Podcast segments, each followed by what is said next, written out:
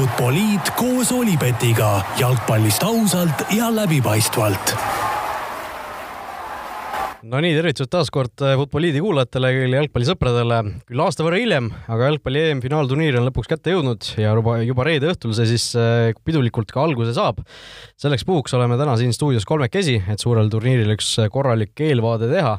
ennustused paika panna, favoriid välja selgitada, meie kõik hot take'id ja kõik muud ennustused äh, paika panna. mina olen endiselt Raul Oessar, teise mikrofoni taga nagu ikka Joel Lindermitt, tere Joel! tervist! ja kolmanda mikrofoni taha oleme taas kutsunud meie saadete ajaloo ühe populaarsema külalise, kuulajate poolt ikka jälle aeg-ajalt taga igatsetud Markus Olsti, tere Markus! tervist, väga meeldiv! Äh, loomulikult oleme siin siis selleks, et äh, EM-ile suur eelvaade teha, rääkida, mis turniiril saama hakkab, vaatame täna siis kõik alagrupid ja võistkonnad üksi, üksipulgi läbi, teeme julgeid ja vähem julgeid ennustusi ja paneme lõpetuseks kokku meie saates juba tavapäraseks saanud Power Rankingsi edetabeli ja lõpetuseks üks äh, väike üllatus ka meil teile veel pakkuda on, nii et kuna rääkida on palju, siis hakkame kuskilt pihta, anname tuld. A-grupp. kas teadsid, et Olipet pakub parimat mitmikpanuste diili Eestis? A-grupp Itaalia, Türgi, Šveits, Wales, äh, no pealtnäha ole, tundub nagunii, et äh, Itaalia peaks olema suur soosik, Türgi, Šveits võiksid võidelda seal teise koha peale ja Wales noh, eeldatavalt on seal nagu kõige nõrgem, aga no Joel, kas kas need asjad on nagu nii, äh, ütleme, labased, kui, kui ma just välja tõin? mina arvan, et selle, selle alagrupi puhul on need asjad selles suhtes äh, labased küll, et Itaalia on minu silmis kindlalt minemas edasi ähm,. noh, kui mõelda Itaalia peale, siis äh, nende, ütleme just viimase aja mäng viimastel aastatel tegelikult on olnud ju päris äh, fenomenaalne, et siin ju viimased mängud äh, kaheksateist võitu, viis viiki kaotatud ei ole, et on, on näidatud nagu väga head minekut ja minu jaoks ongi nüüd äh, huvitav näha, et kui tugeva avalduse teeb, teeb just Türgi. Markus, Itaalia, kas on sinu lemmikute seas? kindlasti mitte, et olin väga üllatunud, et ma neid sealt äh, turniiritabelist üldse nagu üles leidsin. et eelmisele suurturniirile nad ei kvalifitseerunud ja ja no vaatame, kuidas nad seekord äh, siis esinevad, kuigi ma, ma olen Jooliga nõus, et viimased äh, paar aastat on, on nad head olnud, kahju tunnistada seda no Itaalia suhtes minul millegipärast on äh, nagu väga hea tunne sees, et see pole ka minu lemmiktiim nagu kunagi olnud, aga nende selline praegune hoog ja minek äh, just selle Roberto Mancini käe all, see niisugune ründav mängustiil vahelduseks, mis Itaalia puhul nagu vanasti oli ju täiesti välistatud, et äh, see, see tundub, et töötab hästi, neil on niisugune mõnus kooslus noortest ja, ja vanadest, noh, keskkaitses Chiellini, Bonucci endiselt äh, müttavad, eks ju, aga, aga samas on ka selliseid äh, noori ja talendikaid mehi, kes seal ees, ees väravaid löövad, noh, Giro Immobilest ilmselt äh, oleneb suhteliselt palju. mingis mõttes, et tal nagu oli selline üles-alla klubihooaeg äh, viimati, aga aga eks näis, kui, kui hästi ta seal Itaalias tegema hakkab, äh, noh, Andrea Bellotti on ka seal veel tipurünnakul varuks, aga see ei ole vist päris, päris see teema, aga aga noh, Itaalia läheb minu, minu meelest kaugele, minu üks noh, selline julge ennustus olekski see, et me näeme Itaaliat vähemalt poolfinaalis, kui mitte kaugemal. minu meelest nad võiksid olla ka üks isegi soosikuid täiesti turniiri võidule. aga noh, selle esimesest mängust võib-olla oleneb ka natukene natukene rohkem kui tavaliselt äh, kodus Itaalia ju alagrupi mängud Roomas peab. Türgi vastu kohe, Türgi on, on ka tugev olnud, äh, kui nad seal nüüd punktid kätte saavad, siis on kõik hästi. kui nad seal libestuvad, siis võib asi nagu selliseks libedaks minna, aga aga samas noh, Šveits ja Wales on ka sellised tiimid, kelle vastu ikkagi Itaalia on selge soosik ju no igatahes Itaalia puhul ma arvan, sa tõid välja selle hästi, et just see, mis, mis saab ründemängust ja kes on see vend, kes, kes väravaid lööb, et tegelikult suurturniiridel me oleme näinud, et sul on vaja just, just kui sa tahad mängida nagu tiitli peale, et sul on selline üks mees, kes, kes seal või, võitleb selle kuldse saapa peale ja ja kes tassib seda punti, et, et see on võib-olla nagu ainuke küsimärk minu jaoks Itaalia puhul, aga muidu see kogu kooslus äh, on nagu, on, on üsna veenev. ja, ja nagu sa rääkisid siin Türgist, Šveitsist, siis äh, nagu Šveits äh, no nad nagu on olnud ju kogu aeg siin nagu ka nagu suurturniiridel nagu midagi äh, nagu näidanud ja nagu natuke nagu maitsnud ja seda nagu kuidagi nagu pinget pakkunud, aga minu arust on kogu aeg nagu puudu jäänud, et äh, no Markus, sina ju pikalt Šveitsis elanud, et mis on nagu Šveitsi, ütleme, enda kohalike selline hoiak äh, Šveitsi koondise suhtes või, või mis need lootused on? no hoiak on kindlasti väga toetav aga ootused, et mingeid suuri ootuseid ei ole, et pigem loodetakse sellest alagrupist edasi saada. et see on nagu selline see on ka peatreeneri välja öeldud selline eesmärk, et alagrupist edasi saada. aga muidu Šveitsi koondis on selline lahe asi, et seal on väga palju erinevaid rahvusi koos ja siis äh, see nagu ühendab kogu seda Šveitsi nii-öelda rahvast. et see on äh, jah, et kõik on äh, Šveitsi taga. No Šveitsist rääkides, siis Šveitsi puhul, noh, sa ütlesid ka ju, et pole nagu sellist äh, õiget vunki nagu suurturniiridel olnud, et nad alagrupist ju edasi on nagu suhteliselt sageli isegi pääsenud. kogu aeg minu meelest. aga on jah, alati ju jäänud sinna play-off'i kohe pidama, et äh, vaatasin ka siin statistika toodi välja, et Šveits pole suurturniiril play-off mängu võitnud täpselt sama kaua, kuni, kui Eesti pole Balti turniiri võitnud, ehk siis viimati aastal tuhat üheksasada kolmkümmend kaheksa võideti MM-il siis play-off mäng. ja noh, loodetavasti see üks seeria, eks see Eesti-Balti turniiri seeria nüüd katkeb homme õhtul, aga Šveitsi puhul no ma nii kindel ei oleks, sellepärast et et nad noh, see edasipääs ka minu jaoks on ikkagi selline nibin-nabin, sest noh, Türgi, Šveits ja Wales on kõik sellised pundid, kes võivad üksteist punkte ära võtta. me teame, et äh, kuuest alagrupist neli paremat kolmanda koha võistkonda pääsevad edasi. eelmisel EM-il äh, noh, selleks oli vaja kas nelja punkti või siis ikkagi tugevalt positiivse väravate vahega kolme punkti, ehk siis noh, ühte võitu vähemalt või noh, Portugal, kes võitis eelmine kord, sai kolme viigiga alagrupist edasi. Äh, aga seal Türgi, Šveits ja Wales, ma kardan, et nad hakkavad võib-olla üksteiselt sealt neid punkte ära näpistama ja ja ma Šveitsi edasipääsus üldse nii kindel ei oleks. Äh, noh, meil, kui me seda power ranking ut siin hiljem teeme, siis üks mees pani meil Šveitsiga isegi top kümne lõppu, nii et kes see küll oli? ma ei tea, Joel, sina või? ei olnud et ku-, kuidagi see Šveits sinna sattus, aga, aga no võib-olla Markus, räägigi siis natuke, et et miks Šveits seekord äh, peaks selle suure seeria lõpetama aastast kolmkümmend kaheksa kestnud seeria, peaaegu sada aastat sellepärast neil on väga ühtlane ja tegelikult tugev meeskond, et kui sa vaatad neid nimesid, siis nad mängivad kõik tippliigades. no aga Shakiri mängib, mängib küll Liverpoolis, aga noh, kui palju ta mängib? samas Šveitsi eest ta teeb alati mängu, oleme ausad ju. jah, ta on äh, Šveitsi süda, nagu öeldakse. aga noh, samas ta ei ole ju varem tulnud ka suurturniirile sellises olukorras, kus ta nagu üldse mängida ei saa nojah, praegu on ikka väga äärmuslik, et põhimõtteliselt siin viimased kaks aastat on ju lihtsalt toorelt seal sügavkülmikus olnud ja, ja mitte midagi teinud, et äh, aga samas nagu nagu ma arvan, Türgi väärib ka siin päris korralikult mainimist, et äh, et ma arvan üldse, mis tegelikult enne kui nagu Türgist natukene lahata, mis, mis tuleks nagu kohe siia algusesse ära rääkida selle EM-i puhul, et äh, et siin võivad olla nagu väga sellised nagu kas nimekad tiimid või mõned staarid kuskil, aga tihti me näeme EM-i puhul, et just see niisuguse nagu, nagu Markus, sa tõid ka välja, et see nagu see võistkondlikkus ja see kokkuhoidmine ja selline, ütleme siis see energia, see vibe, see tuhh, mis iganes see on nagu, et lõpuks see on see, mis seda võistkonda võib kanda nagu noh, a la nagu Islandi stiilis või niimoodi, et sul asjad õnnestuvad, sa ehitad seda nagu kogu turniiri niisuguse nagu võidult või heal tulemusel niisuguse nagu momentumi peale ja siis sa võidki seal igasuguseid nagu suuri ka maha murda. et ma ütlen, et need sellised ühtlased mõnes mõttes nagu keskpärased, noh, keskpärane on võib-olla nagu halva kõlaga. veits on küll, jah. et, et need, et need nagu võistkonnad, kes on nagu see nagu see ühtne grupp, et nende nagu tegelikult nad on nagu väga nagu salakavalad ja, ja, ja nad võivad nagu siin, siin nagu asju teha. Milline see nendest niisugustest keskmikest nagu on see, on nagu raske öelda, aga ma ütlen, et see võib olla nagu päris reaalne no Türgi on üks minu selliseid musti hobuseid äh, sel turniiril olnud äh, tükk aega juba sellepärast, et äh, nad on ikkagi päris, päris head mängu näidanud viimasel ajal, valikturniiril ei lasknud Prantsusmaaga, eks? mis asja? Prantsusmaaga samas grupis panid ära vist kaks jah, täpselt, et nad, nad, nendest ei, löö, ei lasknud mitte ükski võistkond valikturniiril endale vähem väravaid lüüa, ehk siis kõige parema kaitsega võistkond valikturniiril olid märtsis siin uus valiksari algas, nad võitsid järjest Hollandit ja Norrat äh, vastavalt siis neli-kaks ja kolm-null on ju, mõlemad väga korraliku tasemega tiimid, okei okay,, siis tegid Lätiga kolm-kolm viigi, aga aga see selleks, äh, noh, üks kõige nooremaid satse turniiril tegelikult, aga mängu teevad kõvasti, peatreener, see Chanel Günes vist, äh, ma ei tea, kuidas seda täpselt hääldatakse, pärast siin me neid prantsusekeelseid hääldusi hakkame, hakkame ka veel kuulama, aga aga, aga see Günes on ju seesama mees, kes viis Türgi aastal kaks tuhat kaks MM-i pronksile, ehk siis ah, okay. sama peatreener ja noh, Türgi on ju selline sats, kes tegelikult on niimoodi, et kui nad nagu finaalturniirile peale saavad, siis nad tavaliselt jõuavad päris kaugele, noh, mäletame Euro kaks tuhat kaheksa ka ju pandi poolfinaalis seal, see Mihhail Türk äh, lõi väravaid ja kes seal, Nihat Kahvetši oli vist ja et noh, Türgi on tegelikult nagu väga äge tiim ja neil on nagu igas liinis olemas ka tegelikult päris korralikud liidrid, noh, keskkaitsepaar Söyüncü ja Demiral, noh, Leicester ja Juventus, eks ju Tšalhanoglu seal keskväljal, ees on Burak Ilmas, on ju,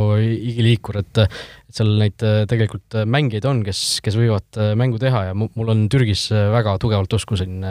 ma isegi, noh, ma arvan, et Itaalia ikkagi võidab selle alagrupi, aga ma, ma eeldan, et Türgi jääb teiseks. no seal see omavaheline mäng otsustab, aga, aga tõesti, et see Türgi, Türgi ja Itaalia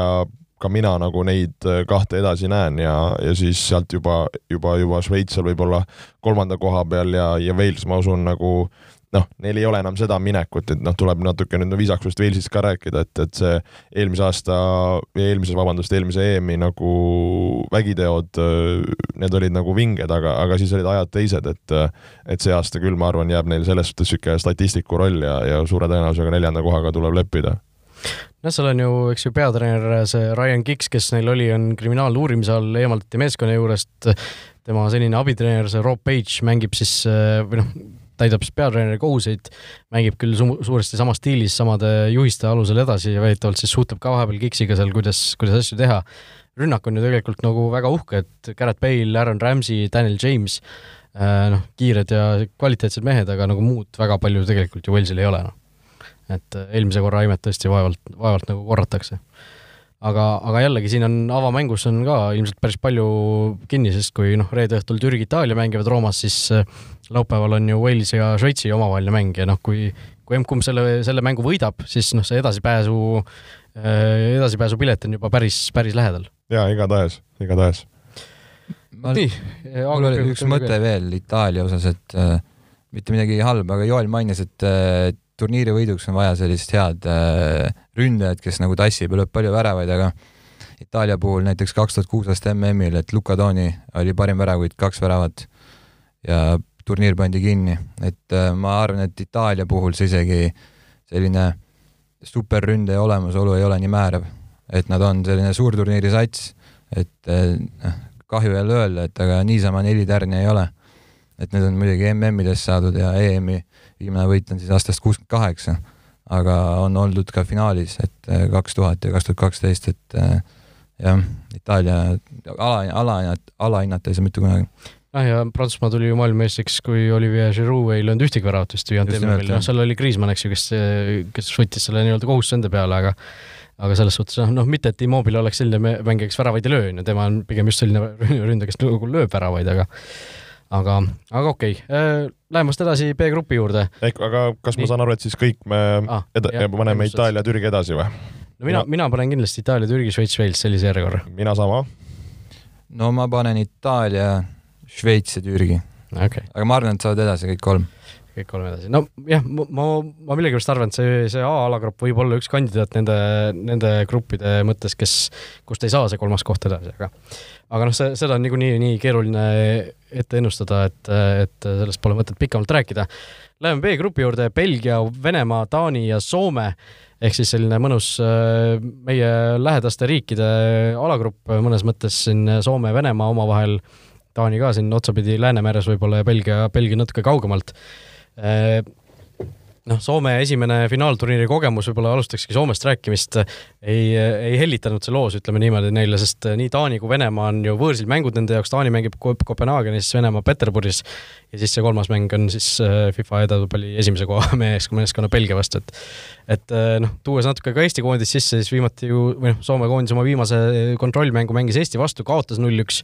ega seal mingisugust sellist nagu meeskonda platsil ei olnud, kes äh, jube suure tuhinaga EM-ile sõidaks, vähemalt väliselt. jah, ma nagu ütleme neid äh, sõpruskohtumisi, mis siin äh, turniiri eel on mängitud, ma isegi nagu kuidagi imelik öelda, aga ma ei võtaks neid väga tõsiselt, et seal on näha olnud, kuidas nagu võistkonnad nagu mängivad natuke nagu käika väljas, et umbes jääda terveks, veidike proovida, mõned mängivad seal põhidega, mõned nagu katsetavad mingeid mängijaid noh, Inglismaa puhul, kui etteruttavalt seal üldse mingid mehed ikka veel puhkavad, et äh, ma nagu selles suunas nagu liiga palju nagu niisugust nagu rõhku ei paneks. Aga nagu kui mõelda nagu Soome nagu niisuguse viimase aja vormi peale ja mängu peale, siis noh, nemad ju tegelikult heas mõttes hullu panid nagu eelmine aasta. et ega nüüd nagu see, see, see ütleme, viimane, viimane aasta nagu niisugust äh,, kuidas ma ütlen, nagu äh, retsi sellist tuhhi ja, ja, ja niisugust nagu tunnet nagu ei ole, et nagu Soome võiks minna sinna hullu panema, eriti nagu sellise alagrupi puhul, et noh, fakt on see, et nad lähevad sinna kaitses kõva ja, ja üritavad kontraid mängida, mis nagu mõnes mõttes võiks sobida, aga no, noh, selles suhtes see, et nad juba tegelikult pääsesid, noh, on nagu, on juba suur asi, et jah, muidugi keegi ei lähe nagu see, siis nagu kätt üles tõstma, et jess, me oleme seal kohal ja kõik, aga nagu tundub, tundub minu jaoks võib-olla nagu veidikene liiga suur tükk ampsata. jah, et ähm, ei oskagi härra spetsialistile midagi midagi juurde lisada, et olen täitsa nõus sellega. samas äh, esimene suurturniir ja võib-olla selle nagu tuhhi pealt võivad ju teha, et äh, no Islandit mäletame eelmisest EM-ist ju, jah. ja isegi Läti, kes kaks tuhat neli, et nad ei olnud tegelikult üldse nagu kehvad, et nad äh,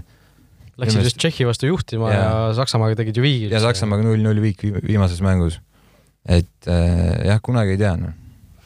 aga noh, edasi nad ikkagi ei saanud ja Soome puhul ka see edasipääs nõuaks ikkagi vähemalt üks, ühte võitu ilmselt ja noh, raske on näha nagu, kelle vastu see võiks ju tulla või noh, kes on Soome jaoks kõige haavatavam vastane võib-olla? No mina Venemaa. mõtleks Venemaa peale ka sama, et äh, see Venemaa, nad on nagu kuidagi niisugune mm, nii seinast seina praegu, et äh, eks ju viimane turniir pandi hullu äh,, aga aga praegu ma arvan, nad on nagu grammikese võib-olla nagu see nende selline, ei saa öelda tase madalam ja ka nad ei ole nagu nii heas kohas, kui võib-olla nagu MM-il oldi. et võib-olla nagu see, et, et Taani ja Belgiaga nagu ma arvan, natuke palju no ilmselt küll, no lähemegi teiste meeskondade juurde ka, noh, võtame Belgia esimesena ette siin FIFA edetabeli liider, nagu öel-, ütlesime, asjad üldiselt tegelikult ju hästi, Lukaku tükk, tükk aega juba Belgia läbi aegade parim väravalööja, väga korralik hooaeg Interis selja taga, ainult kahekümne kaheksa aastane veel tegelikult, eks ju,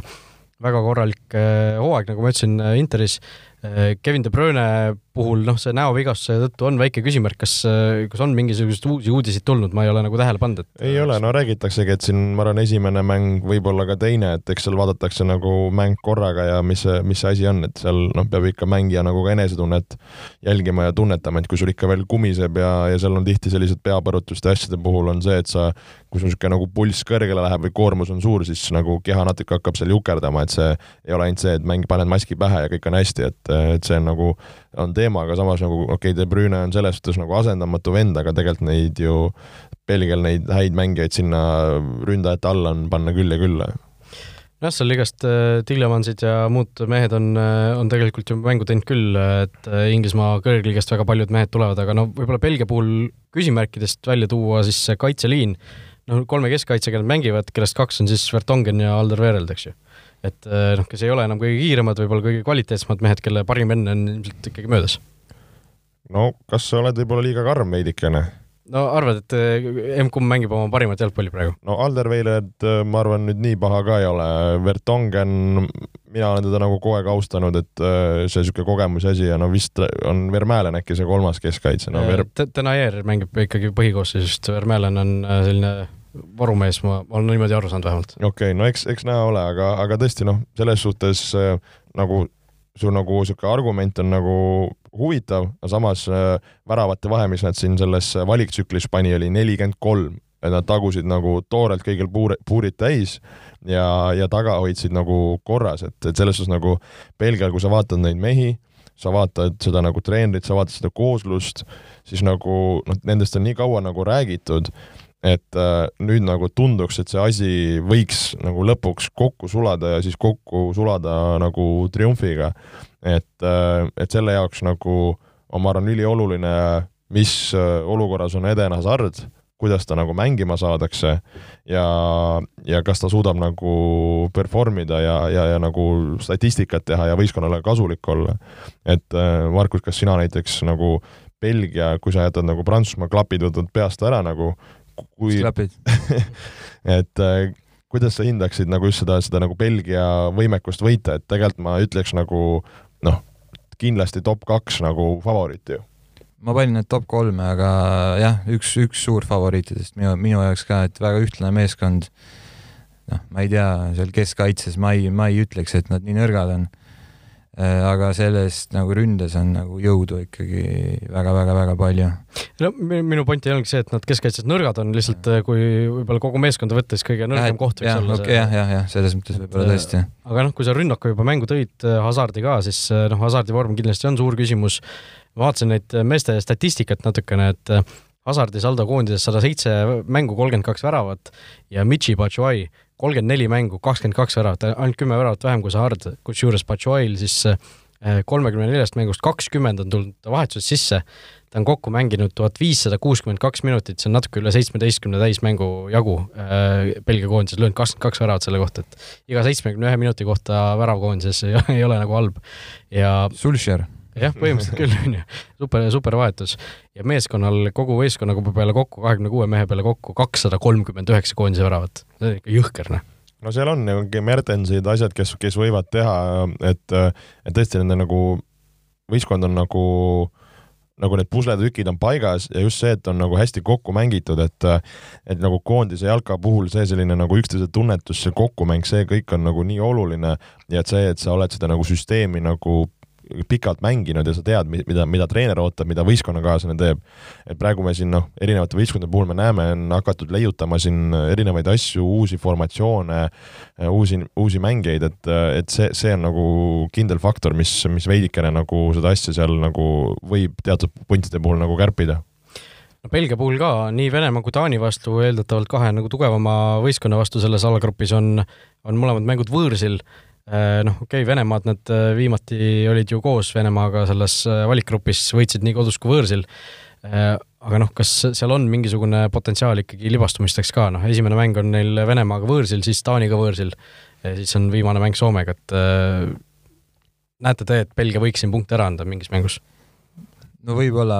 mingi mängu jäävad viiki, aga ma arvan, et väga kindlalt edasi. jah, ma arvaks ka, et, et üsna, üsna nagu jõuliselt ja nad tegelikult on ju nii valiksarjades kui, kui muidu nagu need alagrupid ja, ja turniirid nagu mänginud selles suhtes väga kindlalt. Ja nagu ma ütlesin ka, see väravate vahe nii-öelda valikturniiril oli nagu väga võimas, et et ega ilmaasjata ei, ei ole juba Belgia kaks tuhat kaheksateist aasta septembrist top üks FIFA rankingus, et, et selles suhtes väga kõva punt Venemaa koondis, kui palju on alles sellest kolme aasta tagusest MM-i särast, eh, noh, taas saavad mängida suure osa mängudest koduplatsil, aga mitte kusjuures ülitähtsat viimase vooru lahingut Taani vastu, mis on siis Kopenhaagenis. Noh, kolme aasta taguse satsiga võrreldes, noh, Hakim Fejevit ei ole näiteks enam väravas, eh, kes lõpetas koondise karjääri ära, on Moskva Dinamos selline mees nagu Anton Šunin, ei ole väga kuulnud, varem ei ole Venemaa liigat nii põhjalikult jälginud aga noh, kokkuvõttes ta ei ole nagu liiga suurt sellist usaldust äratav rivistus, et äh, et seal ikkagi noh, mingid äh, tüübid on alles äh, eesotsas Artjom Džubaga, seal vigastustega on viimasel ajal maadlenud see noh, kes Hispaanias mängib, kes eelmisel MM-il säras. Tšeriševi mõtled või? jah, Tšerišev. ja noh, Levadias mänginud Anton Miranchuk pole enam koondiseski näiteks, samas seal on endiselt kolmekümne seitsme aastane või tähendab augustis kolmekümne kaheksa aastaseks saav Juri Žirkov näiteks, eks ju. Karpinit ei ole või Karpi, Karpinit vist enam emme jah, nagu Andreev. napilt välja jäänud, Nikita Andreev mängis noortes jah? mängis noortes kunagi jah, loobus Eesti kodakondsusest isegi vist või, või Eesti kodakondsuse poole püü, püüdlemisest. ma arvan, et tal pole seda olnud kunagi. et äh, aga jah, Venemaa osas no väga selline suur küsimärk minu jaoks, et mis, mis seisus nad siis on ikkagi? no ma olen nõus, et see mm pandi kodupubliku toel hullu ja, ja, ja seal nagu õnnestuti. minu jaoks jah, nagu sa ütlesid ka, et see, see nagu nende see sihuke hoog on natukene raugenud ja kui ongi, sul on nagu Belgia ja Taani seal nagu alagrupis juures, kes nagu on hetkel paremas seisus, siis ma nagu asetaks nii-öelda favoriidi koormad edasipääsuks äh, puhtalt neile, et eelkõige just ka nagu Taani, ma arvan, näidanud, et nagu viimastel aastatel, et nad ei ole lihtsalt niisugune suva Skandinaavia punt, vaid tegemist on päris korralike äh, mängumeestega. mis see tähendab, suva Skandinaavia punt? no et alati on, et ah, need Rootsid, Taanid, asjad, nad, Norrad seal natuke nagu pusivad, aga millegagi hakkama ei saa, siis mul on tunne, et nagu selle aasta Taani on, on natukene nagu enamat no Taani... Euroopa, Euroopa meister ikkagi üheksakümmend kaks Taani juurde minnes, Taani minu meelest on selgelt hiti hoiatus. Äh, viimasel ajal ikkagi väga kõva olnud, kui noh, alates oktoobrist siis on pidanud üksteist kohtumist, saldo üheksa võitu, üks viik, üks kaotus, ainus kaotus, kusjuures tuligi siis Belgiale võõrsil äh, alagrupi kaaslasele seekord selle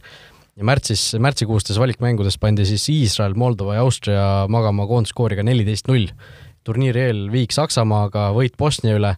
ja ma isegi ütlen, et noh, vabalt võivad äh, mängida Belgiaga viiki ja grupi võit poleks ka mingi ime, et äh, häid mehi on tegelikult igas liinis olemas, no alustades väravahi Schmeichelist, eks ju, seal on keskväljal ju igast Höiberid ja, ja Eriksenid, noh, ründes Braithwaite kuulus äh, Barcelona äss, on ju, ja ja kahjuks ei ole seal enam äh, muidugi Taani kõige legendaarsemat jalgpallurit, aga Laudrupi või? Laudrupi ja, ja ütleme te teisi mehi ka. Lord. Lord, Lord Bentner, jah. Et, et mul Taanisse on usku ja ma arvan, et nad äh, isegi võivad minna päris kaugele sel turniiril. jah, sa tegelikult ei maininud ka kaitsjad, et seal on, seal on Kristjanson, seal on Käär,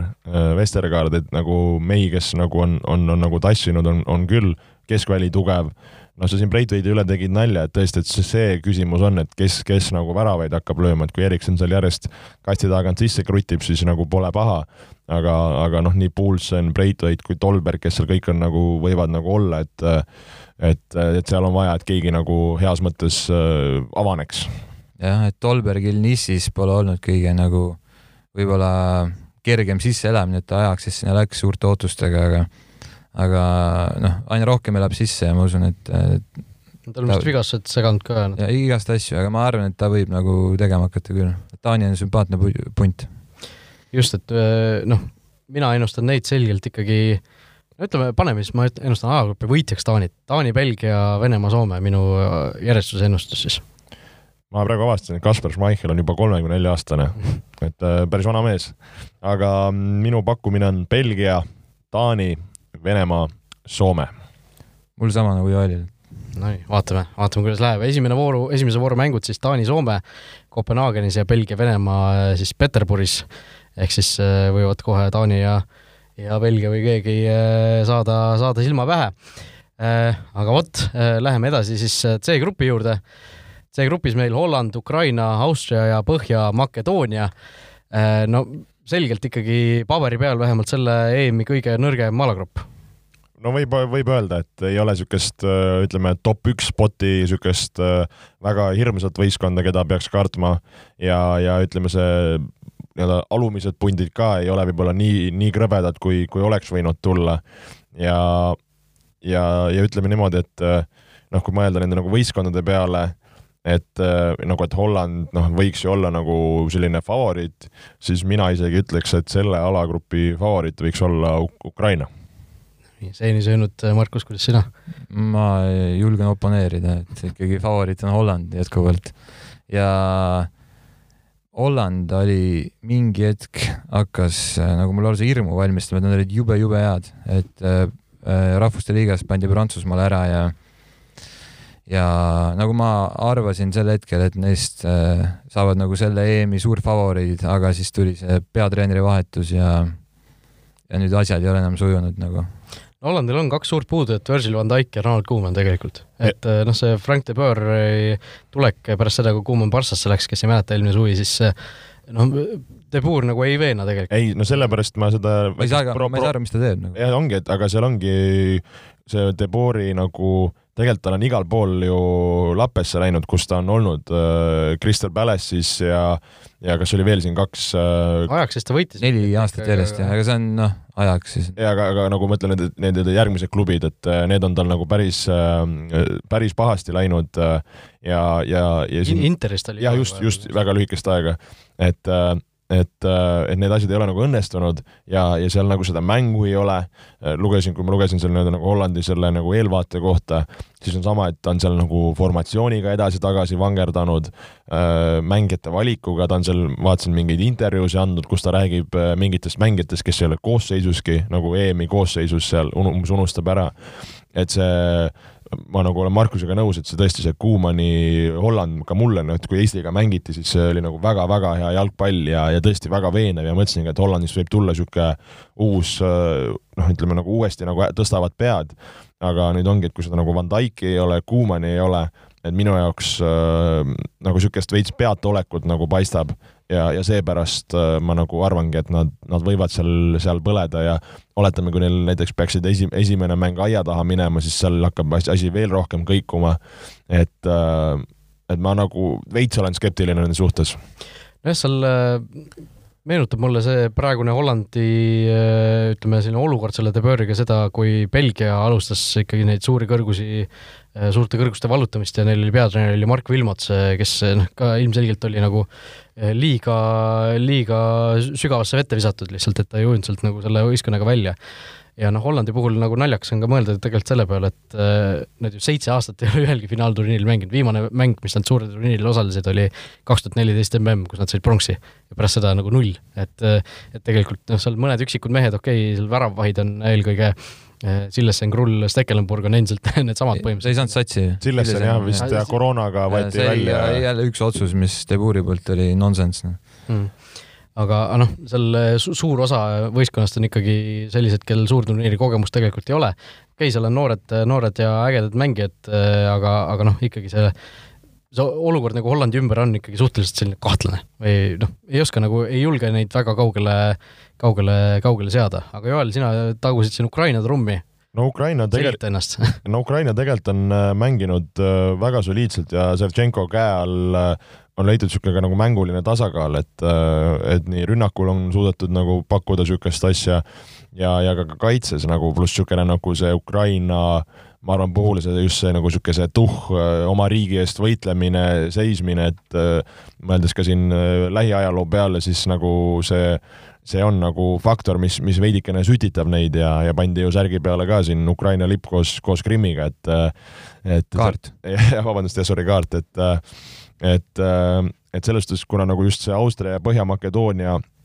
nagu ei ole nii kõvad pähklid ja Holland on natukene nagu grammikese võrra lahjem, siis äh, minu nagu jah, lihtsalt nagu need Ukraina aktsiad äh, veidikene nagu mõtlesin, et kuskil ju, et nagu ütleme, et EM-i ennustades alati on nagu nii lihtne, paned need esimesed nagu üks-kaks tugevat ära ja nii läheb nagu, et nagu selle alagrupi puhul mulle tundus, et seal, seal võib väikene nagu niisugune äh, anomaalia olla, et äh, nagu niisugust väga head argumenti ei ole, aga lihtsalt niisugune sisetunne on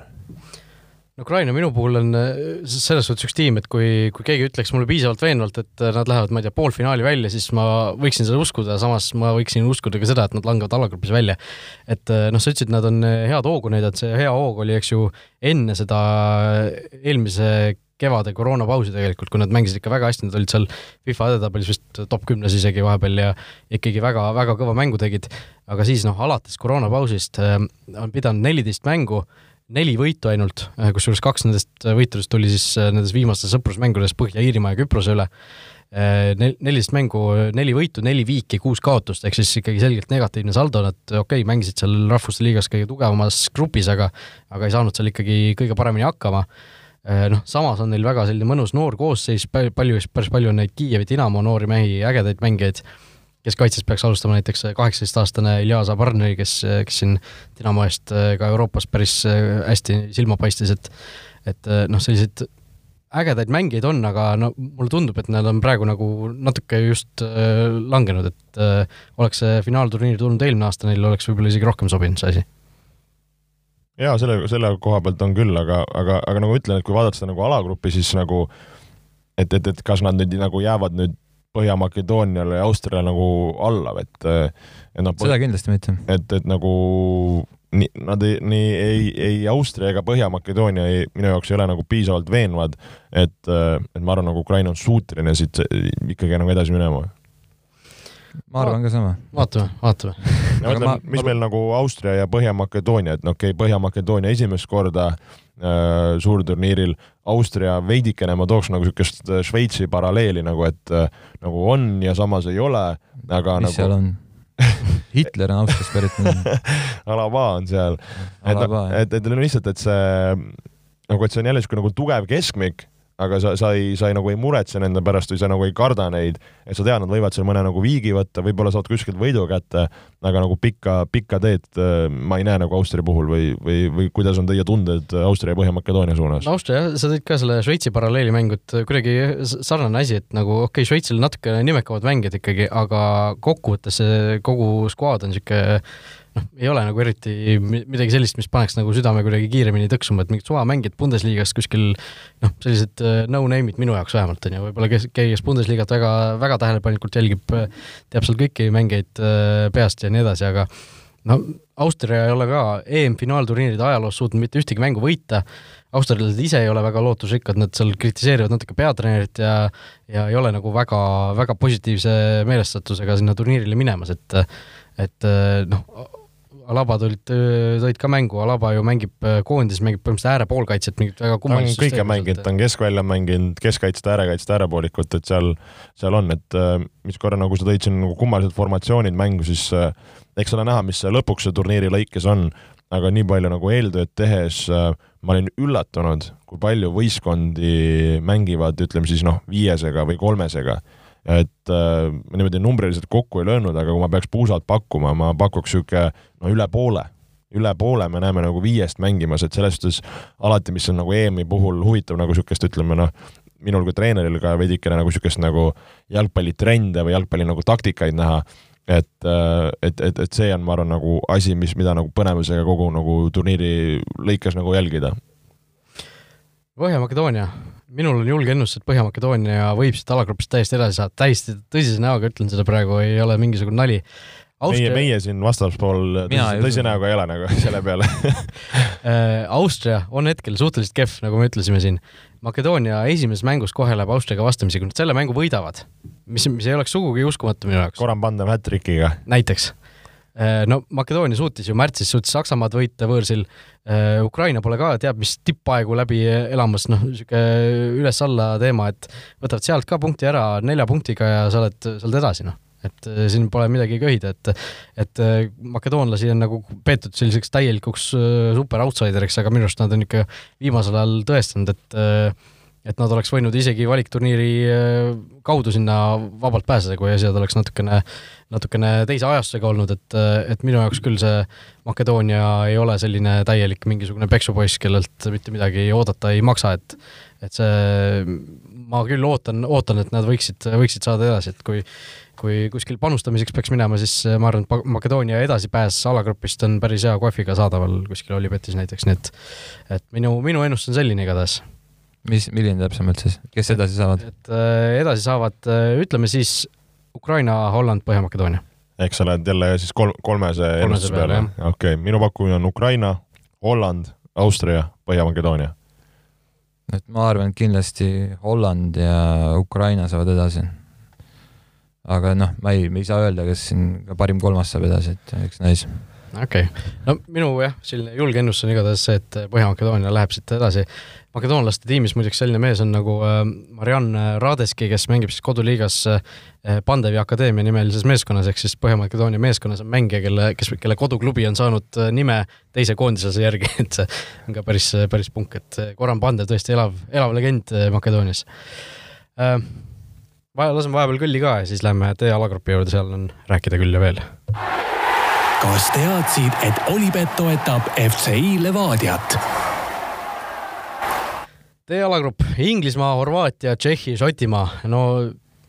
mina tahaks öelda, et siin hakkavad kõik kõigilt punkte võtma, edasi saavad vaid kaks paremat, kuna siin äh, cancel datakse üksteist ära natukene. no Inglismaa on selle alagrupi suur soosik, aga neid küsimärke on ikkagi ju päris palju selle võistkonna juures. nojah, kui me Inglismaa peale mõtleme, siis äh, kuulasin ka, mida siis nagu inglased ise, ise arvavad ja niimoodi, et eks, eks ütleme, Inglise meedia ja jalgpallispetsialistid ju alati enne turniiri suudavad nagu käia igas äärmuses ära, et asjad on nagu väga hästi ja, ja asjad on nagu imeliselt. et ütleme noh, et viimaste,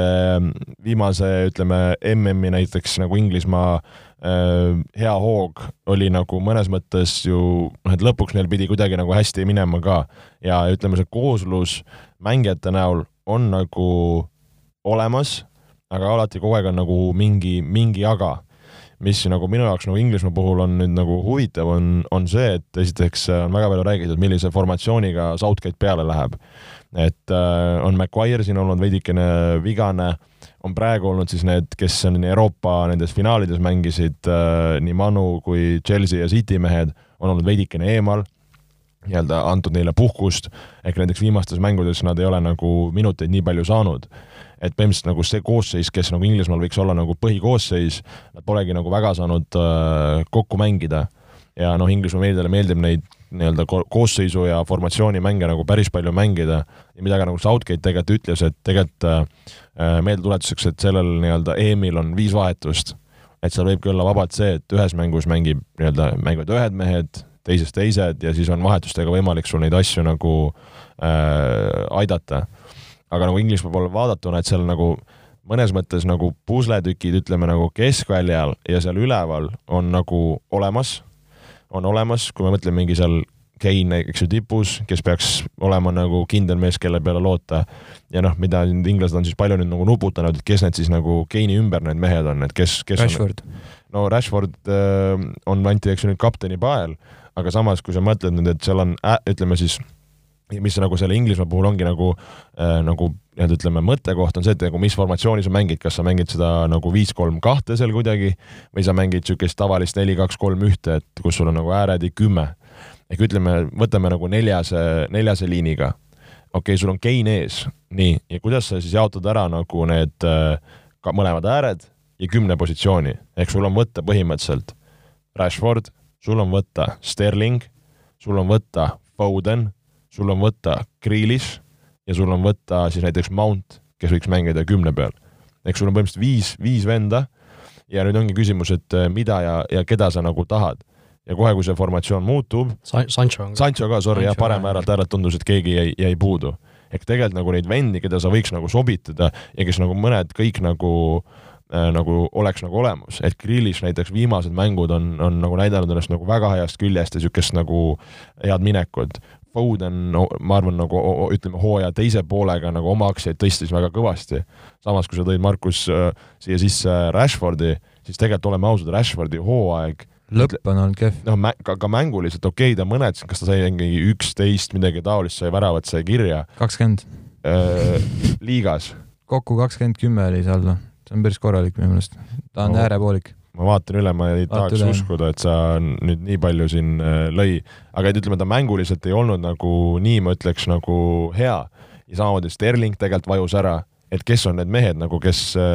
kes, kes su ümber nagu, kes seal Keini ümber on. üksteist väravat sellel hooajal Premier League'is. aga vaata kokku, no ma mõtlesin Premier League'i seal, kui ta ei öelnud seda. Carling lööd kellelegi kuskil Champions League'is lõi kuus tükki. et, et ja, ja no küsimus on, et kuidas, kes on seal kaitseliinis, et äh, noh, Maguire, Stones, noh, neil on seal ju palju neid äärekaitsjaid on kümme tükki seal parema ja parema jalgsid, okei okay,, nüüd Trent kukkus ära,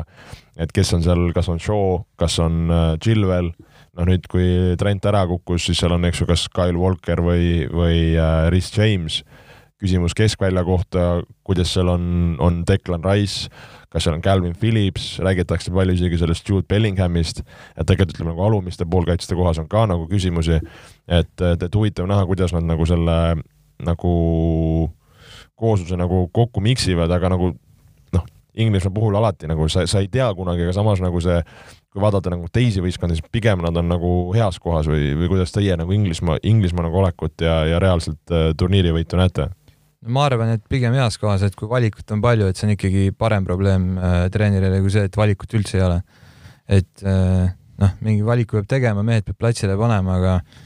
aga nagu noh, talenti on, ütleme niimoodi. Võib-olla see keskväli just nimelt, et Henderson, et ta pole alates veebruarist mänginud, et ma ei tea, kuidas tal praegu see seis on, et kas ta üldse saab nagu esimeseks mänguks jalad alla no ta selles viimases sõprusmängus ju tuli platsile Ah, vahetusest okay., eksis penaltil, eks ju, et aga noh, ma ise küll mängu ei näinud, aga väidetavalt oli, oli suhteliselt nagu kehvas äh, vormis olnud, et, et ta võib-olla on nagu rohkem, rohkem sellise moraalse toena esialgu seal olemas. Mis on ka okei okay,, mis on ka okei okay., sul on vaja selliseid vendi nagu võistkonna juurde, eriti kui mõelda, et Inglismaa nagu okei okay,, eelmisest äh, suurturniirist on mingi kogemus, aga aga tegelikult need mängijad on nagu üsna noored ja, ja kogenematud selle koha pealt. Aga noh, sa vist unustasid ära ka Kieran Trippieri veel, kui õigus, rääkisid, eks ju, et seal noh, tõesti see, see kogu põhimõtteliselt need kakskümmend kuus mängijat on kõik sellised, kes võiksid äh, nagu mängu saada. no inglas, inglaste puhul mina tooks kaks väga selget nõrka kohta välja, üks on väravaht, Jordan Pickford, no ei, no ei ole no selline mees, kes võiks olla ikkagi ütleme MM-tiitli või EM-tiitli peale võitleva meeskonna esivärav. ja ma ei ole üldse, Henderson on selgelt parem. ja ma ei ole üldse kindel jah, tegelikult ei tea ju, kes, kes siin äh, alustab, eks ju, et no Southgate on nagu siiamaani ikkagi selgelt usaldanud Pickfordi, noh, Pickfordi jalaga mäng on väga hea, see talle meeldib, aga noh, Pickfordil on kogu aeg on see, see sees, et noh, Inglismaa fännid, ma arvan, nad hoiavad iga kord hinge kinni, kui mingisugune pealelöök tuleb, et et see ikkagi, ta ei ole nagu selline mees, kes sealt väga, väga suurt kindlust kindlust sisendaks. Ja teine koht on ikkagi keskkaitse, noh, Harry Maguire'i tervis on nagu ta on, kui ta tuleb tagasi, siis sa ei pruugi ka kõige paremas nii-öelda match fitness'is olla. Kui ta üldse on tagasi esimeseks mänguks, ilmselt võib-olla isegi ei ole. Ja noh, kes panna John Stonesi kõrvale, sellepärast et seal ju, kes siin meil oli see Tyron Minks, kes, kes siin ju äh, sakkis kaks mängu, sul on, sul on Connor Cody, kes, kes ka ei ole noh, koondise eest väga mänginud isegi, ja siis on äh, noh, Ben White, kes sai Trent Alexander-Arnoldi vigastuse tõttu, sai koondisesse, kes nüüd mängis tegelikult hästi. et noh, kas, kas Southgate'il on nagu piisavalt julgust, et panna näiteks Stonesi kõrvale seesama Ben White kohe algusest peale, mis oleks tegelikult ju päris selline julge lüke tegelikult, kui sa vaatad, kui, kui ütleme, Äh, tähti täis, äh, mitte öö, vaid äh, ülejäänud meeskond, meeskond on siis, siis paned sellise Brightoni mehe sinna taha, et noh Walkerist on ka räägitud keskel vist. no ta on kolmeses, kolmeses on, mänginud, eks ju, et aga noh, päris neljases Walker keskkaitses tunduks nagu natuke liiga, aga samas tõesti, kui sul ei, ei ole nagu tank ju korralik. ei, väga korralik tank. Reece, Reece James on ka tegelikult noh, kolmeses mängid mm. seda keskkaitset, aga noh, ma, ma ka ei usu, et ta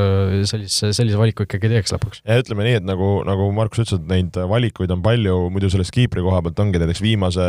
mängu mängis äh, Johnstone ja enne seda mängis nagu Bigford et, et, et siin on ka nagu küsimus, et kas see Pope, kui ma ei eksi, kas ta sai mingi vigastuse, et tegelikult oli ju tema, kes siin äh, päris äh,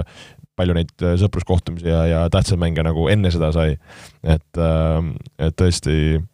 no, no põnev, et, et nagu tahaks nagu mõnes mõttes uskuda või loota, et mina isiklikult võib-olla nagu Inglismaal isegi nagu pöialt hoian, et et, et tahaks näha, et nende, nende tiivad nagu kannavad jah, seal keskväljal ka see Calvin Phillipsist on räägitud, eks ju, et äh, võib-olla te, tema hakkab mängima, et see, on ka nagu selles suhtes naljakas käik tundub, et sul on nii palju staare võtta, aga siis sul on, tuleb Leedsist sihuke ka suhteliselt äh, nii-öelda nimetu mängija on ju, tuleb, tuleb sinna panna, et äh, James Ward-Prowse'i eemalejäämine koondisest minu jaoks oli ka väike üllatus, noh ma arvan, et seal ei ole väga, väga suurt kvaliteedivahet, kas sa pead Philipsi või Ward-Prowse'i mäng, mängima, aga Ward-Prowse'i ju super tugevus on see, et kui sa saad äh, kahekümne viie meetri raadius väravat karistuslöögi, siis sul on põhimõtteliselt üks-null. no seda küll, aga kuskil öeldi ka, et nagu, et äh, palju sul neid lööke nagu tuleb seal, et äh, et selles suhtes nagu Philipsi niisugune, ütleme, kaitseomadus ja tööraadius on, on nagu vajalik seal, et tegelikult niisuguse nagu tema stiili stereotüübiga venda nagu Inglismaal võtta ei ole, et nagu Rice on võib-olla veidike rohkem nagu palliga, aga ka veidike nagu kaitsvam, aga nagu Philipsi näol sul on, noh, sul on vaja niisugust liini ees, ühte niisugust nagu, nagu mootorit ka, et nagu Ward-Prowse on ka kindlasti nagu liikuv, aga ta ei ole, ma arvan, nagu nii, nii heade kaitseomadustega. Lingard jäeti välja. jah, Jesse Lingard jäeti ka välja, tõesti Äh, aga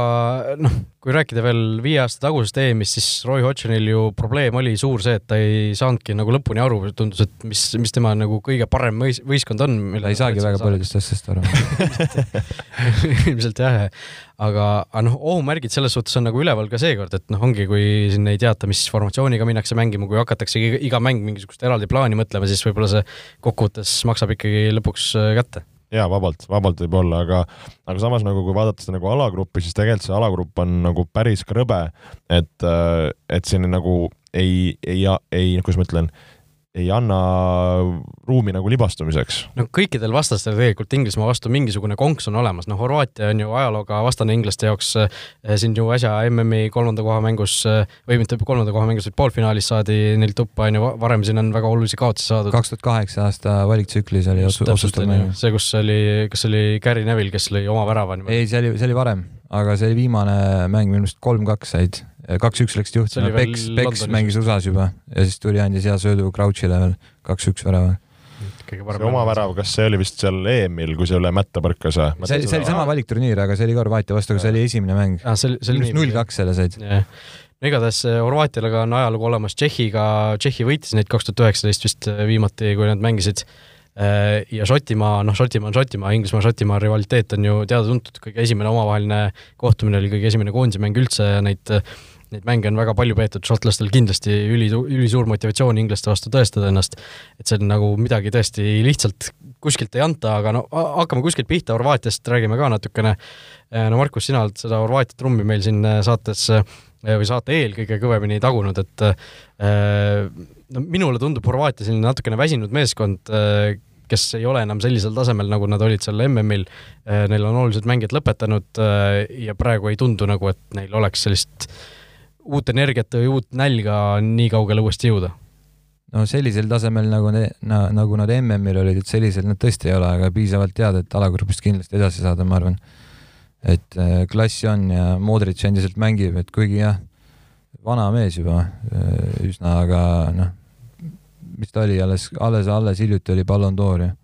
et kaks tuhat kaheksateist vist, kui ma ei eksi. no Horvaatia puhul ma ka pigem isegi liigitu-, liigituks siia Rauli, Rauli poole, et et sama, et see, ma arvan, selle viimase MM-i run'iga nad nagu pigistasid sellest kivist nagu kõik selle vee välja, mis, mis nagu pigistada sai ja ja praegu on ikka see päris nagu tühjaks imetud, et et äh, jah, nendel on nagu selles nagu klassi on, selle vastu ei saa vaielda, nad on alati suutelised, nad on võimelised siin kõiki võitma ja minna rahulikult edasi. milles siis probleem on? mina lihtsalt tahtsin, jäi, lasid, ei lasknud mul lauset lõpetada on see, et äh, mina hindan Tšehhit väga kõrgelt. et äh, Tšehhi selline, see, mis nad just nagu Eesti vastu, okei okay,, meil oli siin see nagu, noh, sa ei saa võrrelda nagu Eestit äh, ja nagu EM-i kontekstis ja meil oli see, eks ju, koroonapunt, et äh, et lihtsalt see nagu sihuke, ütleme, mulle see nagu see tervik meeldis, mulle meeldis nende nagu mäng, seal olid nagu võimsad äh, kehad, äh, nad olid jõulised, nad olid nagu struktureeritud, nad mängisid palliga hästi, nad olid kaitses nagu olemas. et, äh, et mulle nagu Tšehhi, noh, ongi siin ju Sotšek tegi, tegi hullumeelse hooaja, Kufal seal ääre peal, ees on nagu ründes vendi, et, et, et, et see nagu Tšehhi selline ebameeldivus, ma arvan, nagu on, on nagu faktor ja just ongi, et kui see nagu Horvaatia on grammikese lahjem, jah, Šotimaa võib siin veidikene kaarte segada, aga, aga ma nagu, ma hindan Tšehhid natukene see aasta kõrgemalt kui Horvaatia ja, ja ma pakukski nagu Inglismaa ja Tšehhid edasi, aga nagu see Horvaatia mõnes mõttes kolmandaks jätmine minu jaoks on nagu raske südamega, aga, aga nii, nii, nii lähen nii-öelda mina teele no okei okay,, no mina Tšehhi osas olin ka suhteliselt positiivselt meelestatud, aga nad viimase aja asjad on hakanud äh, noh, selliselt äh, kehvemalt minema minu arust, et noh, see null-neli kaotus Itaaliale, mis nad said nüüd, see oli ikkagi päris sünge, et et niimoodi turniiri eel niisugune sahmakas saada, tõi nad, ma arvan, natukene rohkem maa peale, et et ma millegipärast arvan, et Tšehhil ei lähe siin hästi, kuigi neil on noh, Sušekid ja Šufalid, sa ütlesid ka, head mängijad aga noh, Šotimaast me pole veel rääkinud. Šotimaa on minu jaoks selles grupis selline must hobune, kes võib, võib päris, päris kõrgele jõuda, et neil on, neil on selline päris huvitav, huvitav kooslus mängijatest, neil on noh, okei okay,, kaks parimat mängijat on mõlemad vasakkaitsjad, eks ju, Robertson ja Tierney, aga aga noh, peatreener Steve Clark suudab nad sinna väljakule ära mahutada seal on, eks ju, veel äh, Scott McTominay, kes on nüüd, muidu mängis keskkaitses koondises, aga nüüd on ikkagi keskväljale tõstetud. Ja seal teisi ka selliseid äh, noh, Celticu ja Rangersi mängijaid, selliseid mehi ja Premier League'ist, noh, ründas Jay Adams näiteks on nüüd hakanud ju Šotimaa eest mängima, äh, Southamptoni mees, et ma arvan isegi, et Šotimaal on siin päris hea võimalus kuskile, kuskile edasi jõuda. mina isegi ennustaks niimoodi selle alagrupi järjestuse, et Inglismaa, Šotimaa, Tšehhi, Horvaatia, niimoodi oi-oi-oi, väga-väga julge. ei no Šotimaal on nagu niisugust äh, põnevust, aga mul on tunne, et kui sa paned nagu Inglismaa, Tšehhi, Horvaatia klassid nagu võrdluseks Šotimaaga, siis minu jaoks Šotimaa jääb ikka nagu grammikese sinna nagu allapoole, et äh, et oleks niisugune natukene, ütleme, lihtsam alagrupp, siis võiks Šoti siin nagu mängu teha, aga, aga see tundub minu jaoks veidikene, veidikene liig, jah no eks näis. Markus, mis sa arvad? ma ei teagi, et ma mõtlen, et kes üldse tahaks alagrupi võita. et äh, tuletame meelde, et seal alagrupi võitja läheb kokku äh, Prantsusmaa alagrupi äh, teise kohaga, mis tõenäoliselt siis on kas siis Saksamaa, Portugal või Prantsusmaa. et äh,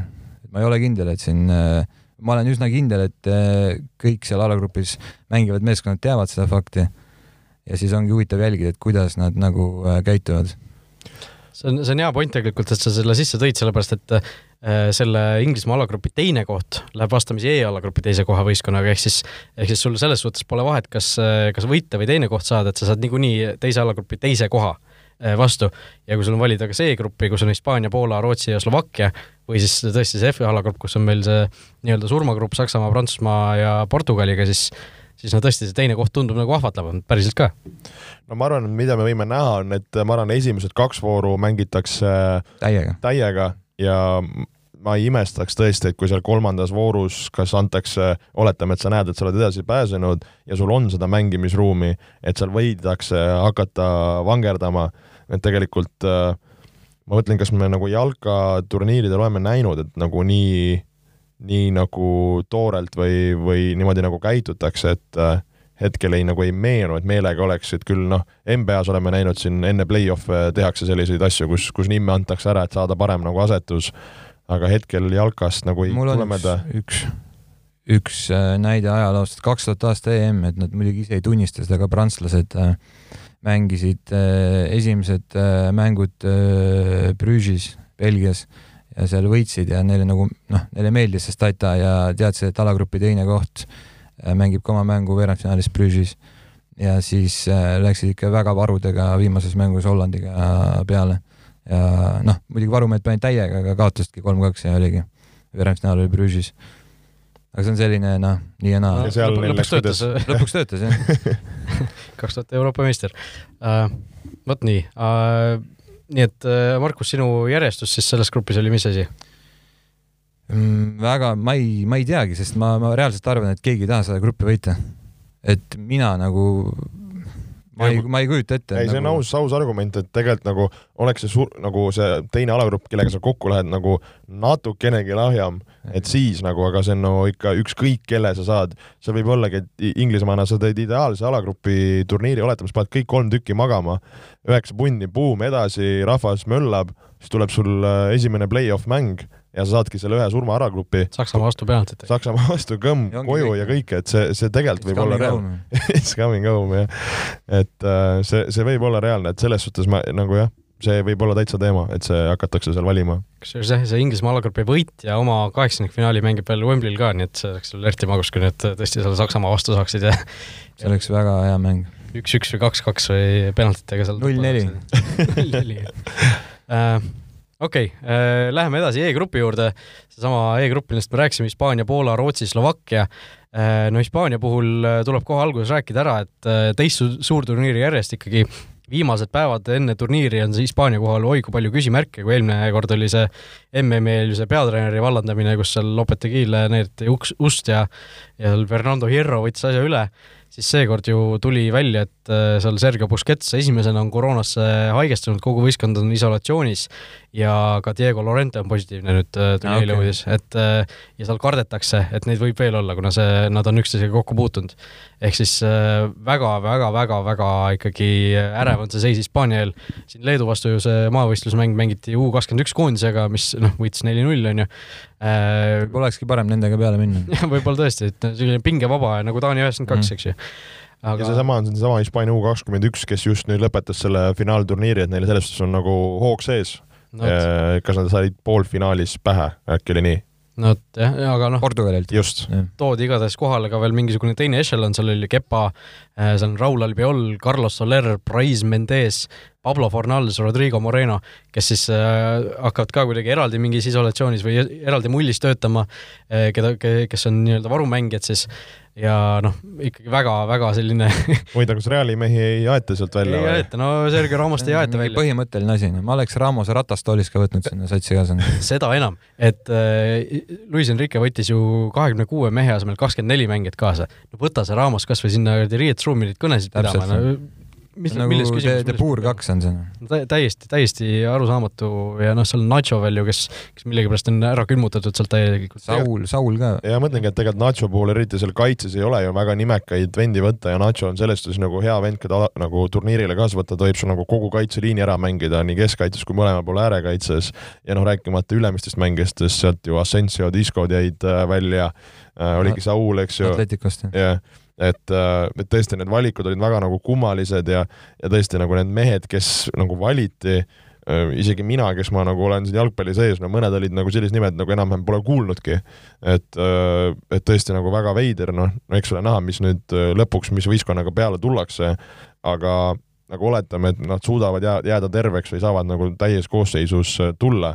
siis ma arvan, et see on üks nagu läbi aegade nõrgemaid Hispaania koondisi, mida me suurturniiril näeme jah, mingil määral küll, et äh, kui sul ongi rohkem mängijaid kuskilt Leedsist kui Real Madridist, siis see näitab juba oma, omaette midagi ära, aga mis ajast me lugema hakkame, et ega seni inimesed on nagu võib-olla lühikese mäluga, et Hispaania pole nagu kogu aeg äh, selline jalgpalli tipp olnud, et enne kahte tuhandet kaheksat nad ei jõudnud nagu väga-väga pikka aega mitte kuhugi.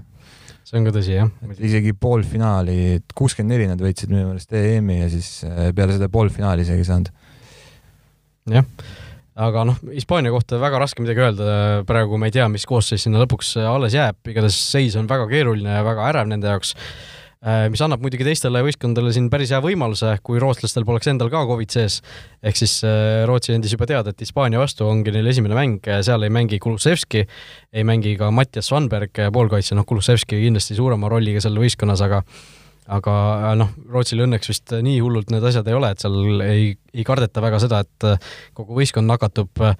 no Zlatan on vigastusega väljas, millest on väga kahju muidugi, aga seal on Aleksander Isak äh, olemas ründes võtta, kes Real Sociedadi eest tegi väga kõva hooaja, Hispaanias on väga hästi viimasel ajal mänginud. Ja noh, Rootsi selline vana neli-neli-kaks ja sellist klassi kogemust meeskonnas on. ja noh, kui me rääkisime Ramosest, siis Rootsi ju selle triki tegi ära, et Vladislav Kreida klubikaaslane Andres Granqvist on äh, meeskonnas olemas Rootsi esiliigast tööandja isegi, sest spordirektor jah, seda põhimõtteliselt klubi spordirektor võeti mängijana kaasa ikkagi kaptenina ja isegi kuskil on nagu sahistatud, et ta võib-olla ei olegi nagu täiesti maskott, vaid võib-olla saabki mängida mingis mängus. sama nagu Norbert Hurt oleks Eesti koondises ongi ju no,. nojah, nagu mängijana no vot, onju, et tõesti see väga huvitav käik, et täiesti nagu vastupidine asi. ja, ega nagu siukseid vendi on sul vaja ja, ja eriti, kui sa oled nagu ütleme tegelikult Ramos on selles kuningas, et nagu kuidas, kuidas siin saab üldse nagu varianti olla, et äh, ja noh, nagu et nagu kogu suurriigi puhul sul on vaja sellist venda, rääkimata nagu väiksematest riikidest nagu Rootsi, et äh, sellise mehe olemasolu on, on nagu nii vajalik ja see mees on, on, on siin suurturniiridel mänginud ja ja tegelikult ma nüüd ei mäletagi, kas see oli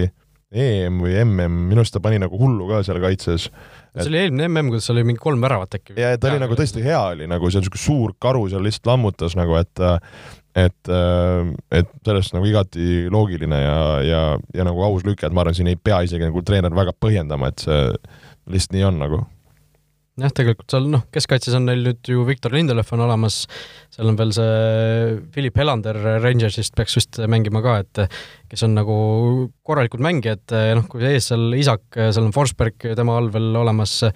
ja, ja neid noh, kui Kulusevski terveks saab, siis tema ka, et seal tegelikult seda klassi on ja Rootsi Rootsi tegelikult neid alagrupi turniire suurturniiridel on väga hästi mänginud ja ma, ma isegi julgeks neid siin täiesti alagrupi võitjaks ennustada.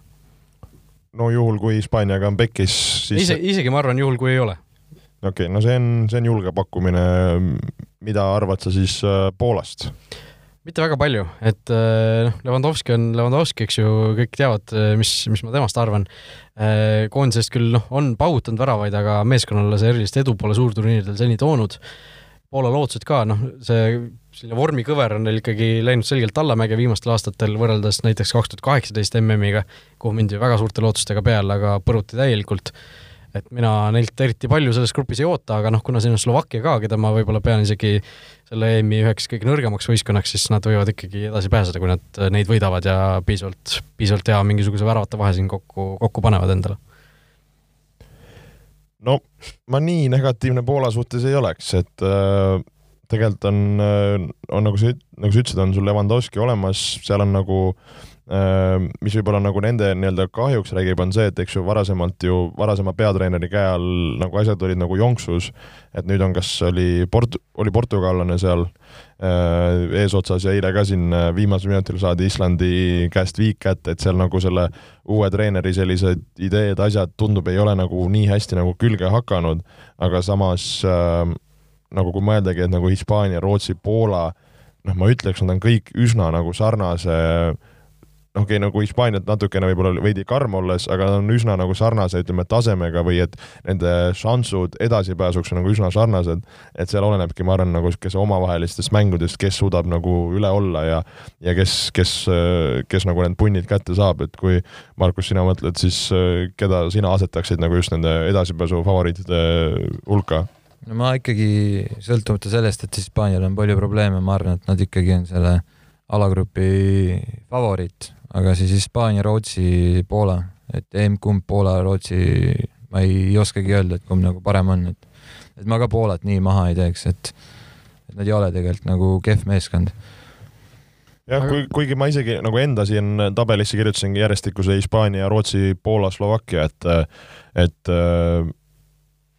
et ka veidikene nagu skepsist on, aga aga võib-olla jah, nagu liiga karm ei tohi ka äkki olla. No te räägite nagu ma oleks neid äh, kuskile, kuskile Balti turniirile kutsunud või midagi, et äh, aga noh, Slovakkiast rääkides, äh, noh, ma ütlesin ka, et tundub nagu üks nõrgemaid tiime tegelikult EM-il, et ei ole nagu erilist nägu, ei ole nagu erilist sisu, okei okay,, Marek Hamšik on seal olemas, tema ka mängib ju Rootsis nüüd, vahepeal käis siin üldse Euroopast ära, et ei ole enam kindlasti oma tippvormis, noh, koondises ka oma sellist viimast turniiri tegemas kaitse, kaitses okei okay,, on kõva vend see Milan Skriniar seal, eks ju, aga rohkem, rohkem sisust väga heal tasemel mängijaid neil ei ole. Äh, okei okay,, keskväljal see Lobotka ka, kes on Napoli mees, eks ju, aga aga no ülejäänud on selline noh, suhteliselt mitte midagi ütlev selline nõrk, nõrk, nõrgavõitu Euroopa keskmikud äh, mängijad, noh, tegelikult et ma ei tea, kas keegi tahab veel Slovakkia kohta mingisuguseid kõrbedaid arvamusi või pikemaid arutelusid EM-i võitjad? ei ole jah midagi, et ma, ma olen pigem nõus sinuga, et ma ei teagi seal kedagi peale Marek Hamšiku no vot, äh, läheme siis selle F-grupi juurde, mis äh, no kas on surmagrupp, kas saab surmagrupiks nimetada olukorda, kus tegelikult kõik need soosikud võivad ju edasi ka pääseda, kui, kui nad äh, parema kolmanda koha sisse mahuvad. Saksamaa, Prantsusmaa, Portugal ja Ungari. noh, alustame võib-olla siis võistkonnast, kes eelmine, eelmine EM võitis oma alagrupi Portugali ees, muuhulgas Ungari, kes on siis selgelt ikkagi selles alagrupis outsider, aga noh, kas on mingisugust varianti neil, kodus saavad ju mängida nii äh, Prantsusmaa kui Portugaliga. kas nad nulli peale jäävad või ei jää? lihtne küsimus. ma arvan, et jäävad, et ma arvan, et äh, on suur oht, et nad tõmmatakse täiesti varuosadeks, et äh, täiesti algosakesteks rapitakse täiesti läbi no ma olen ka üsna kindel selles, et, et see nulli peale jäädakse, aga minu ainuke küsimus ongi, et nagu kui seda alagrupi ennustades, et kas on keegi võistkond, kes kogemata käkib näiteks Ungari vastu viigi, mis siis tähendab seda, et äh, see edasipääs äh, võib olla natukene raskendatud. see on minu ainuke küsimus, et kas, kas keegi Ungari vastu käkib viigi ja siis, kui mõeldes edasi, et kes keda võidab, et äh, selles suhtes seal on nagu lihtne, pead lihtsalt kõige kõvem vend olema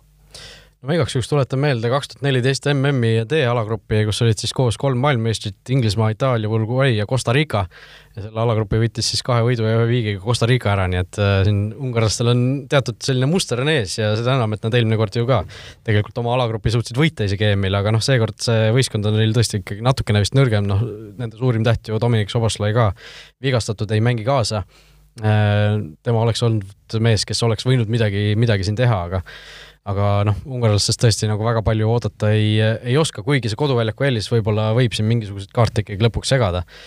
aga no Prantsusmaa. lisan Ungarile juurde, et neil on täismaja, peaks tulema seal. jaa, on jah, Budapest on vist ainus, kes, kes lubab äh, täismaja millegipärast. aga noh, Prantsusmaa juurde minnes, äh, no Holst, sinu soolo või noh, mis sa täpsemalt teada tahad siis? räägi ära, kes, kas, kas võidavad, kes väravaid löövad, mida oodata no mina loodan, et võidavad, et äh, seda on nagu raske öelda, et nad kindlasti võidavad, et aga nagu hetkel on märgid äh, väga head, võib-olla isegi liiga head, et nagu ühtegi probleemi kusagil ei ole, et meeskond on paberi peal kõva, äh, sisekliima on kõva, meeskond on kokku mänginud, et kõik on nagu paigas, satsis on viisteist maailmameistrit, mingid vennad on veel Euroopa meistrivõistluste finaalis juba mänginud Benzema tuli tagasi, arvati, et see võib olla nagu selline asi, mis lõhub seda sisekliimat, aga absoluutselt mitte, et väga hästi vastu võetud ja mees teab, äh, noh, teab oma väärtust, aga samas teab ka seda, et ta tuleb gruppi, äh, mis on juba midagi läbi elanud, mis on midagi võitnud ja ta ei ole seal noh. A-joo. ja A-joo, et seal on teisi vendi ka, aga samas tegu on ikkagi papsiga, et kõik olid väga nagu õnnelikud, et ta sinna tuli, isegi Giroud, kes kelle kohta ta on öelnud, et, et Benzema ütles, et kui äh, tema on siis äh, äh, vormel, siis äh, Giroud on kart aga ja selle peale Giroud nüüd ütles hiljuti pressikonverentsil, et kui me EM-i võidame, et siis äh, kutsub Benzema karti sõitma, et seal ei ole ka mingit probleemi. nüüd eile oli siis kontrollmäng Bulgaariaga, pandi kolm-null ja noh, Benzema sai kerge vigastuse reide ja siis kes lõi kaks väravat, Giroud, et seal on nagu taset on et äh, algkoosseis on hirmus nagu teistele, teistele riikidele ja pink on ka hirmus, et äh, jah, et ainuke asi, et äh, nagu kõik tundub, tundubki nagu liiga hea, et ma ei, ma ei teagi, noh, ei olegi nagu midagi, midagi halba öelda. No kas, kas ongi see asi niimoodi, et, et tegelikult ongi nõrka kohta ei ole? Või noh, kakskümmend aastat tagasi nad suutsid ju täpselt sama triki ära teha tegelikult, maailmameistrivõistlused tulla üheksakümmend kaheksa ja kaks tuhat EM ära võita, et kas, kas on tõesti niimoodi, et Prantsusmaal nõrki kohti praegu ei olegi? ma ei teagi, no mõned on rääkinud, et äkki parem kaitse on Benjamin Pavard, aga, aga ma ei, noh, mees on ikkagi Bayerni mängumees, et äh, ei saa nüüd teda väga nõrgaks nimetada, vasakkaitses on ka ju Hernandez ja ka Bayerni mängumees ja et no ma ei tea, väga raske, võib-olla mulle, mulle isiklikult väga Kim Pepe ei meeldi, kes on siis vasakut keskkaitset mängib, et ma paneks Longley asemele sinna aga ma nagu viimastest mängudest olen aru saanud, et pigem Kim, Kim Pepe alustab. muidugi ma oleks üldse Laporti ka koondisesse võtnud, aga ta on nüüd Hispaanias. kuidas see nii-öelda Prantsusmaa poolt äh, vastu võeti, et tegelikult ju ära ütlemata kummaline käik, et niisugune äh, nagu pool solvumise pealt, et okei okay,, kuule, ma nüüd siis lähen minema. väga halvasti, et seda meest ei eksisteeri enam nagu prantslaste jaoks, et ongi noh. aga nad ise nagu ei tahtnud teda ju. no see, jaa, okei okay,, selles mõttes on arusaadav, et tõesti, et teda ei võetud pikalt ja see on minu jaoks arusaamatu, et miks teda ei võetud ühe korra võitis, ta sai seal null minutit, aga aga no ma ei tea, noh, sa ei ole hispaanlane, sa oled prantslane. no ma just mõtlengi, et see nagu tundub ka nagu nii veider, et nagu mingi puhas joks siis lihtsalt ära tehtud, sa ongi, sa mängid Prantsusmaa noortekoondiste eest. sa oled kapten seal muideks et sa oled nagu olnud blablabla bla, bla, aga oled seal nagu koondise juures ka veits nagu flirtinud ja siis nagu päevapealt sul on nagu juriidiliselt on võimalus nagu minna Hispaaniast mängima siis sa seda nagu teed. et äh, see on tõesti nagu kuidagi liialt veider minu jaoks. ma tean, no Prantsusmaal on see, et seal on palju topeltkodakondseid, et see nagu sünnipäraselt, et on palju selliseid, kes on äh, nii Prantsuse kui Alžeeria passiga ja siis äh, muude Aafrika riikidega veel, et siis nad noortes mängivad äh, Prantsusmaa eest ja siis, kui äh, mingi hetk see tase äh, ei vea välja nagu ei vea välja, siis võtavad selle nagu selle teise riigi, aga Laportil ei ole seda ka, et ta ei ole nagu noh, nüüd ta sai selle Hispaania kodakondsusega, ta on ju nagu prantslane ikkagi. jah, ma ei saaks ka aru jah, kui tal oleks nagu reaalne Hispaania taust, et siis nagu, et ta ju sai läbi selle, et ta vist äh, lihtsalt mängis seal ja teatud aja. no ta on Prantsuse Baskimaalt pärit, et selles mõttes mingi nagu seos on, et Baskimaa läheb üle, on nii Prantsusmaal kui Hispaanias, et mm. noh, ma ei tea, mina ei kiida heaks seda, aga no see jah, Laporti teema oli üldse kummaline, sest ta oli tükk aega nagu niisugune tunne, et maailma kõige parem jalgpallur, kes ei ole nagu üheski koondises kunagi mänginud, et et ta ju City's oli vahepeal ikkagi selge põhitegija, aga aga kusjuures sellel samal teemal, selles samas alagrupis ju Ungaril on selline mees nagu äh, Loik Nego, äh, ma ei tea, kus, kuidas prantsuse keeles see Loik äh, hääldatakse. ongi Loik. et tema ju tuli näiteks Prantsusmaa U üheksateist koondisega Euroopa meistriks kaks tuhat kümme, aga nüüd ta esindab hoopis Ungarit, et noh ka, ka teist koos Gris-, Griezmanniga tuli Euroopa meistriks siis vist? no võimalik jah, et äh, ma ei tea, mis aastal see Griezmanni võit oli, aga noh. samal aastal minu meelest oli. igatahes kaks, kaks tuhat kümme U üheksateist Euroopa meister on Ungari koondises praegu okay.. aga, aga jah, nagu Prantsusmaa koha pealt, mis nagu Margus ütles ka, et see tundub nagu liiga hea, tõsi olla, et mul on nagu sarnane tunne, et, et kõik on nagu Prantsusmaal paigas, noh, tundub nagu ilmselge favoriit äh, nagu ja, ja kõige tõenäolisem võitja et, et kas see tõesti ongi nii lihtne, et davai, paneme Prantsusmaa võitjaks ja teeme turniiri ära ja Prantsusmaa võidab ja lähme laiali, aga samas nagu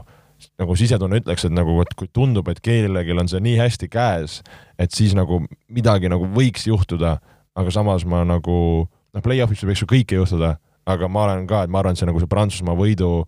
šanss on nagu kaalub äh, järgmised nagu kohad nagu päris, päris jõuliselt üle nagu no vaatame neid järgmisi, järgmisi võistkondi ka siin grupis, Saksamaa, äh, no Joachim Löövi viimane turniir kutsus tagasi Mülleri, kutsus tagasi Hummelsi, no minul millegipärast ei ole erilist usku sellesse kooslusse, millegipärast, et äh, noh, viimasel ajal ka mingid sellised kummalised tulemused, nad ju sügisel said Hispaania käest null kuus, eks ju, märtsis seesama Põhja-Makedoonia kaotus, millest me rääkisime, turniiri eel Taaniga tegid viigi, äh, okei okay,, Lätid küll võidid seitse-üks, isegi Timo Werner lõi värava, eks ju, aga kusjuures seal see lätlaste värav, keda, kes ei ole näinud, Aleksei Saveljev, see lõi väga ilusa värava muideks Neuerile. Äh, Rumeeniat äh, alistati või Rumeeniat võideti märtsis võõrsil suhteliselt napilt, seal ainult üks-null, et kõik nagu ei tundu nagu päris, päris paigas olevat, et ei ole selline tüüpiline masin Saksamaa, mida me vahel oleme enne turniire nagu vaadanud, et noh, kus, kus nagu nende nõrk koht on, et et seekord nagu tundub, et see kõik on nagu ligadi-logadi natukene ja olen nõus, et ei ole nagu nii veenev see Saksamaa ja, ja tõesti, nagu sa ütlesid, see koosseisutrall, et nagu öeldakse vanakestele, et meid, teid pole vaja ja järsku on vaja. no on seal mõned nagu noored, kes, kes on juba nagu mängumehed, siin on noh, noored võib-olla vale öelda, siin naabrid ja asjad juba, aga noh, ütleme nooremaad ja siis on nagu täitsa noored, et kes teevad siukseid nagu esimesi samme nagu Saksamaa koondise eest. et, et ma olen nõus, et nad on nagu nagu grammikese lahjemad kui muidu see Saksamaa, aga lihtsalt see kuidagi nagu Saksamaa nagu väljajätmine või Saksamaa nagu alahindamine tundub ka nagu niisugune rumal asi, mida teha, et kui neil nagu asjad klikivad, siis nad on suutelised, ma arvan, nagu väga head jalkat mängima ja, ja tulemust tegema, aga nagu selles nagu play-off'i jõuda ja seal nagu mängu teha, ma arvan, on reaalne, aga poolfinaal, finaal võib-olla natukene liiga palju. nojah, no ma ei, ma ei teagi, et Saksamaa on Saksamaa, et äh, suurturniiride meeskond, et kui sa vaatad ajaloos üldse nagu äh, nagu kõik suurturniirid kokku, et siis nemad on olnud kõige rohkem äh, finaalides, poolfinaalides nagu konkurentsitult ja on suutnud teha ka ülihäid turniire siis, kui ei olegi nagu sats kõige parem, et kaks tuhat kaks tulid finaali. et sats oli selline, et äh, nii ja naa, et enne seda oli ju kaks tuhat aasta EM-i fiasko ja ja kaks tuhat neli oli ka järjekordne fiasko. Siis tulid muidugi superaastad. aga noh, praegu võib-olla ei ole kõige paremad ajad, aga see on ikkagi noh, Saksamaa, et ei oskagi öelda midagi, et Äh, nojah, läheme edasi Portugali juurde, Portugal tiitlikaitsja, äh, eelmine kord, noh, nagu ma ütlesin ka, kolme viigiga läksid tegelikult alagrupist edasi, seekord äh, sellist, sellist nii-öelda vaikset algust ilmselt endale lubada ei saa. Noh, raske on vastu vaielda sellele, et meeskond eelmise EM-iga võrreldes on ikkagi selge sammu edasi teinud, tegelikult neil on parem võistkond kui viis aastat tagasi noh, mis siin küsimärgid võivad olla, Cristiano Ronaldo roll võib-olla, et kui, kui palju äh, nagu Ronaldo tahab ise teha, võib-olla kui palju üritatakse tema peal toetuda, siis tegelikult neid mehi, kes seal kõrvale panna on, igasugused Jotad, Bernardo Silvad, asjad on, neid on ju tegelikult väga palju. Bruno Fernandes. no mul kusjuures Fernandes ei ole erilist usku. Ta suurtes mängudes kuidagi ei, ei perform'i, oled Unitedi mängu vaadanud, eks? olen ikka, aga see meeskond, tal on õlad valusad juba selles, selle meeskonna tassimisest, ma õlad välja veninud või? no Portugal on selles suhtes äh,, ei saaks öelda nagu jokker, aga tõesti niisugune nagu võib vabalt panna nagu lõpuni välja ja võivad kuskile ka nagu kukkuda. et äh, pigem nagu hindaks neid, aga, aga nagu eelmise aasta, noh, eelmise EM-i nagu võitu korrata tundub veidikene nagu ebareaalne. et äh, ma arvan, nende niisugune nagu see jah, see nagu see pendeldamise nagu või see nagu see, et see palju plussi Am ja palju amplituud jah, just nagu võib-olla nagu on isegi võib-olla kõige suurem nagu äh, ütleks nagu su suurtest no Portugalile ei ole need alagrupi turniirid millegipärast tavaliselt sobinud, et, et nad seal tihtipeale kas komistavad või kuidagi venitavad ennast edasi, et et ma ütlen, kui sul on Saksamaa ja Prantsusmaa ka alagrupis, siis äh, see on nagu ohumärk, et et võib-olla Portugalil see asi kõige paremini ei lähe, aga no vaatame, esimene mäng on Ungari vastu, et kui seal korralikult alustavad ja puurid haavad täis, et siis on nagu hea, hea enesekindlus järgmisteks mängudeks ka. ja need kolm punkti all, mis võivad sind ka kolmanda kohaga edasi, edasi saata, eks ju. no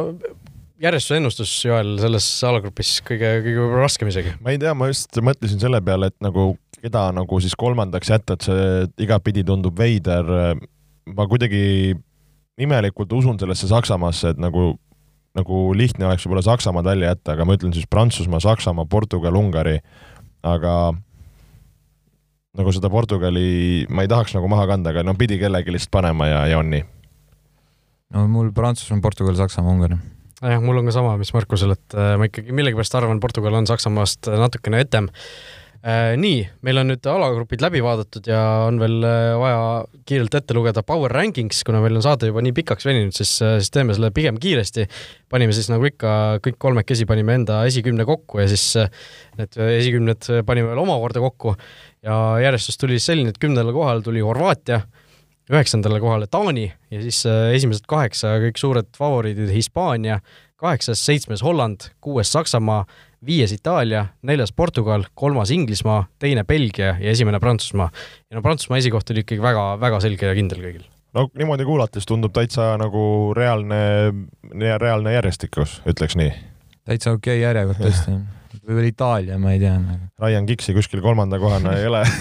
maailma parima mängijana siis. Paul Scholes. või Paul Scholes. minul oli Itaalia teisel kohal isegi, kusjuures Prantsusmaa järel millegipärast, noh, ma ütlesin ka, et mul Itaalia suhtes millegipärast nagu hea tunne, et mina panin nemad teiseks, aga nii et loodan, et see tunne petab no ma ise ka võib-olla loodan natuke, et mulle Itaalia tegelikult väga ei meeldi ja lõpetuseks lubasime üllatust, see üllatus on siis selline, et äh, kui meil siin Premier League'i hooaja jooksul vaatasime pidevalt äh, selle, selle peale, et äh, kuidas meil Fantasy's läheb, siis seda saab teha ka EM-i ajal, ehk siis Euro kaks tuhat kakskümmend Fantasy on ka UEFA lehel käima pandud ja seal on siis Futboliidi liiga täiesti, täiesti olemas. ja samuti nagu ka Premier League'i hooajal siis Heavy Mentali auhinnadele ehk siis Futboliit äh, featuring heavy mental, äh, selline fantasy liiga kood, mille kindlasti kopeerime ka Delfi äh, uudisesse saade Futboliidi uudisesse on siis nelikümmend SV kaks siis V üheksa QQ üks null. ehk siis kes, kes võib-olla Delfi uudist üles ei leia, saab selle siit kätte, aga muidu tasub, tasub ka see Delfi uudis üles otsida Futboliidi kohta, seal on see kood olemas, liituge ja ja parimatele on siis nagu öeldud, auhinnad täiesti olemas nii et äh, loodame, et tuleb äge turniir. Äh, Markus, sina oled Prantsusmaa poolt, eks ju, Joel, kelle poolt sina oled? ma ei ole nagu ühegi siukse super äh, fänn, aga, aga, aga ütleme Inglismaale hoian pöialt ja Prantsusmaa ei ole ka paha, paha nagu valik Prantsusmaa mulle väga ei meeldi, aga mina olen ka Inglismaa fänn ikkagi olnud ja, ja Portugal on ka selline, kes, kes nagu viimasel ajal on väga, väga hakanud meeldima juba noh, ütleme Ronaldo ajastul, et. huvitav, miks? et võib-olla need kaks, kaks võistkonda oleks minu minu need, kelle, kelle poole mul süda kõige tugevamini tuksub. vot nii, Joel, sina hakkad ju kommenteerima ja, ja stuudios ka olema. Mind... kutsu mind ka siis mind jah, tõepoolest rohkem see aasta näeb ETV stuudios ja, ja siit lippangi nüüd äh, ETV-sse, et äh, etteruttavalt võib öelda, et siin uhked graafikavidinad on, on stuudiosse tulemas, et äh,. Tactical Loud, jah? jah, nii on, et enam puust, puusnuppudega liigutama ei pea, et äh, et ühesõnaga loodame, et tuleb tore EM ja loodame, et äh, jõuame siin äh, kiire EM-i vahelt äh, ka, ka saateid teha, et eks, eks seda näitab siin aeg, kuidas ja mis. vot nii ja tänud Joel, tänud Markus ja oleme siis tagasi juba millalgi siis, kui natuke mänge on EM-il mängitud, kindlaid lubadusi ei julge praegu välja anda, aga aga millalgi ikkagi saateid, saateid teieni ka toome, nii et kohtumiseni ja, ja head EM-i kõigile ja loodetavasti Eesti võidab Balti turniiris homme. just. jah, davai, tšau. olge mõnusad vutiviikendi parimad kohvid leiad Olipetist